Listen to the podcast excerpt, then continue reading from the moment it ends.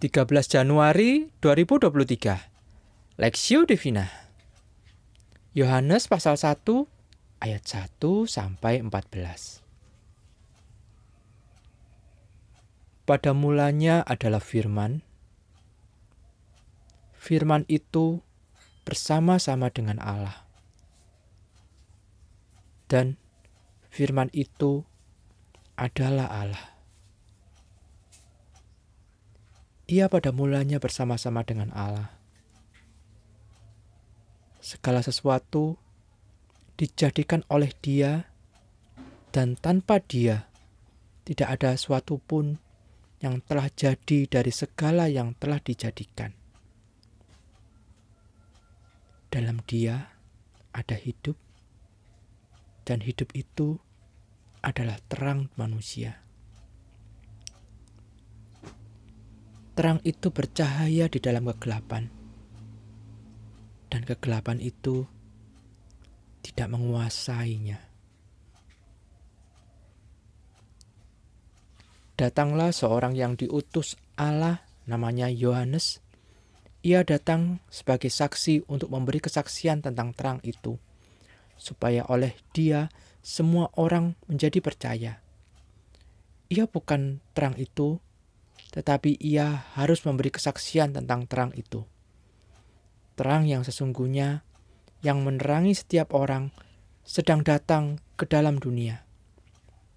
Ia telah ada di dalam dunia, dan dunia dijadikan olehnya, tetapi dunia tidak mengenalnya.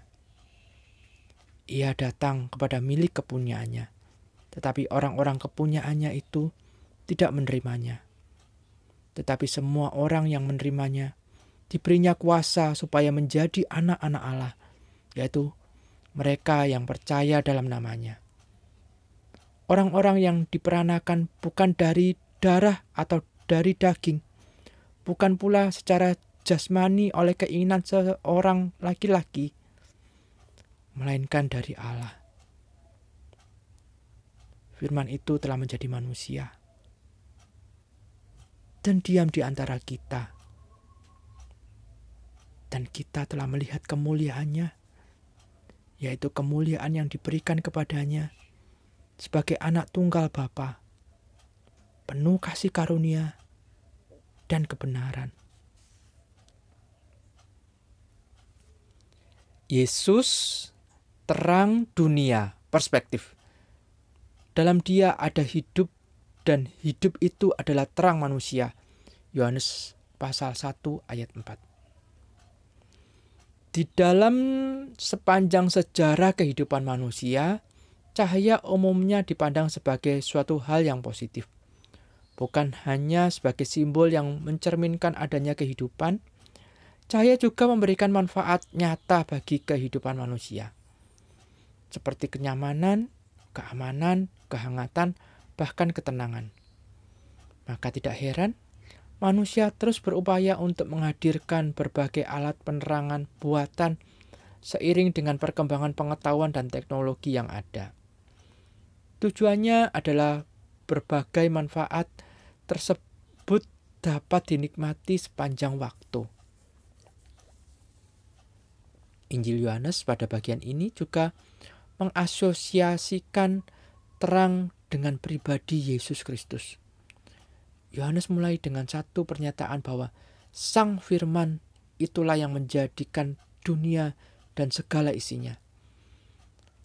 Artinya, ia adalah Sang Pencipta dan sumber atau the source dari seluruh kehidupan yang ada di muka bumi ini.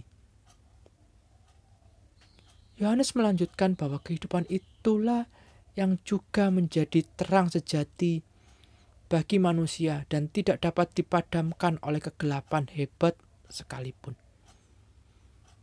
Terang inilah yang memampukan manusia dalam kegelapan dosa menemukan pengharapan mereka kembali.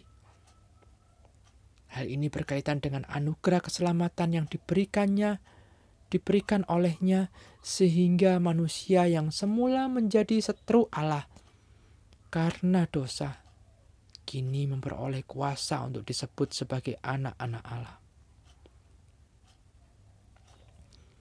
Pengharapan dan hak inilah yang kita miliki ketika mempercayai Kristus sebagai Tuhan dan Juru Selamat pribadi kita. Hanya di dalam Kristus, kita yang tadinya sudah mati karena dosa, kini beroleh hidup.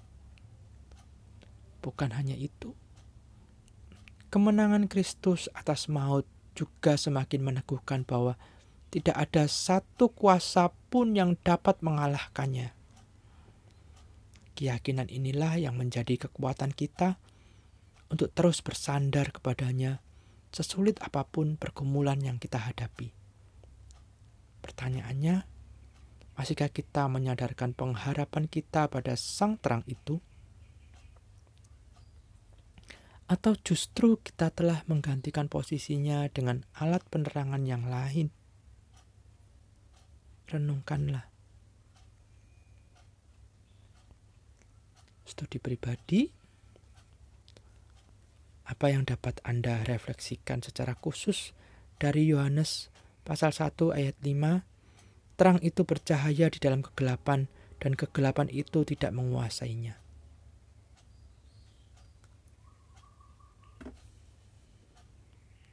Pokok doa, berdoa agar terang Kristus terus terpancar melalui kehidupan anak-anak Tuhan, sehingga menjadi kabar keselamatan bagi mereka yang belum percaya kepada Kristus.